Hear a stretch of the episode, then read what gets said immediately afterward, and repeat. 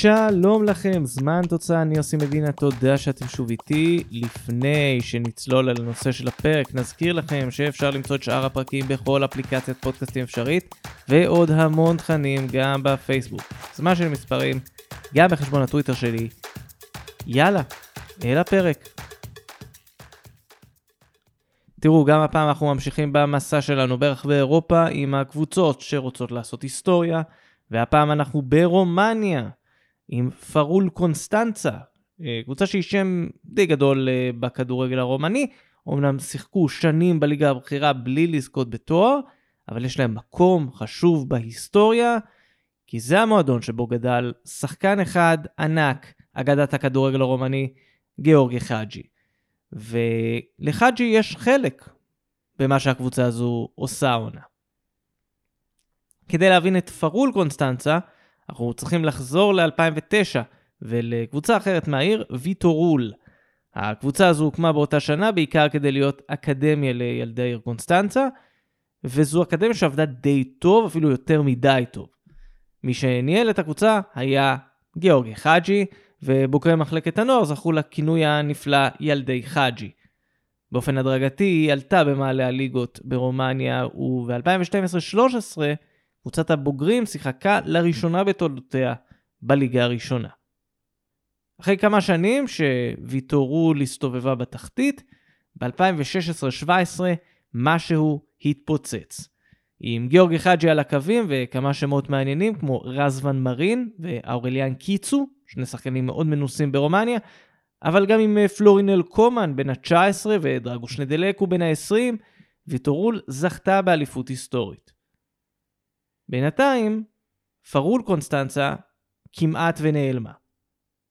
ב-2009, כשוויטורול הוקמה, פרול ירדה לליגה השנייה. הקבוצה הלכה והידרדרה, ובעונת 2016-2017, במקביל לחגיגות האליפות של ויטורול, פרול חגגה גם כן, אבל עלייה מהליגה הרביעית לשלישית. כשהקבוצה על סף פשיטת רגל, היא תקעה יתד בליגות הנמוכות של רומניה. בקיץ 2021, העיר קונסטנצה חוותה ניסיון החייאה בכדורגל המקומי. ויטורול אמנם הייתה קבוצת ליגה ראשונה, אבל הייתה צריכה דחיפה מחודשת כדי לחזור למאבקי האליפות. פרול, כמו שאמרנו, בליגה השנייה. באותו קיץ נפגשו שלושה שחקנים אגדיים כדי לנסות ולמצוא פתרון. שניים מהם הגיעו מהצד של ויטורול. גיאורגי חאג'י, הבעלים ומאמן, ולצידו חבר מהנבחרת הגדולה של שנות ה-90, גיאורגי פופסקו, נשיא ויטורול. מהצד השני, הבעלים של פרול, צ'יפריאן מריקה. מריקה שיחק 72 משחקים במדי נבחרת רומניה, יש לו הופעות גם במדי שטוטגרד, שלקה, חטאפה, הוא הבעלים של פרול מאז 2018, כשהוא זה שניסה להקים אותה מחדש לתחייה.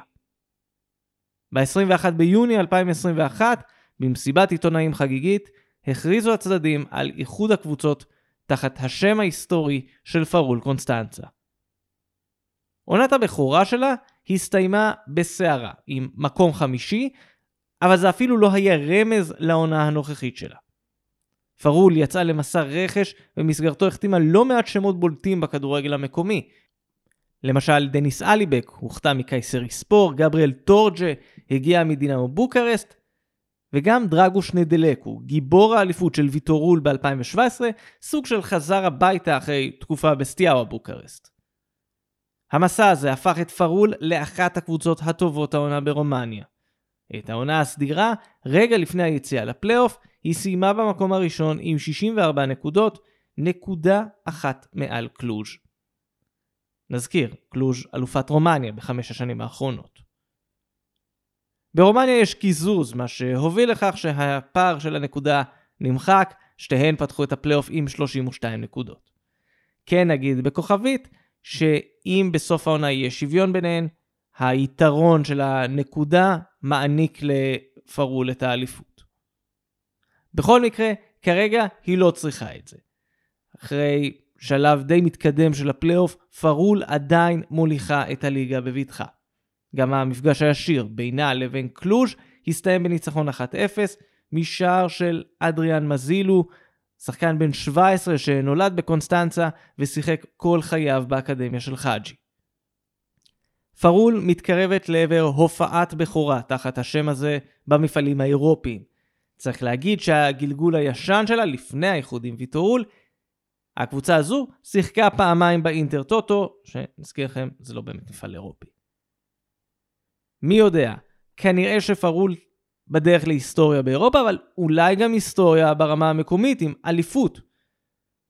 בינתיים נראה שהפרויקט הזה של חאג'י, פופסקו ומריקה הולך להיות דבר גדול בכדורגל הרומני בשנים הקרובות.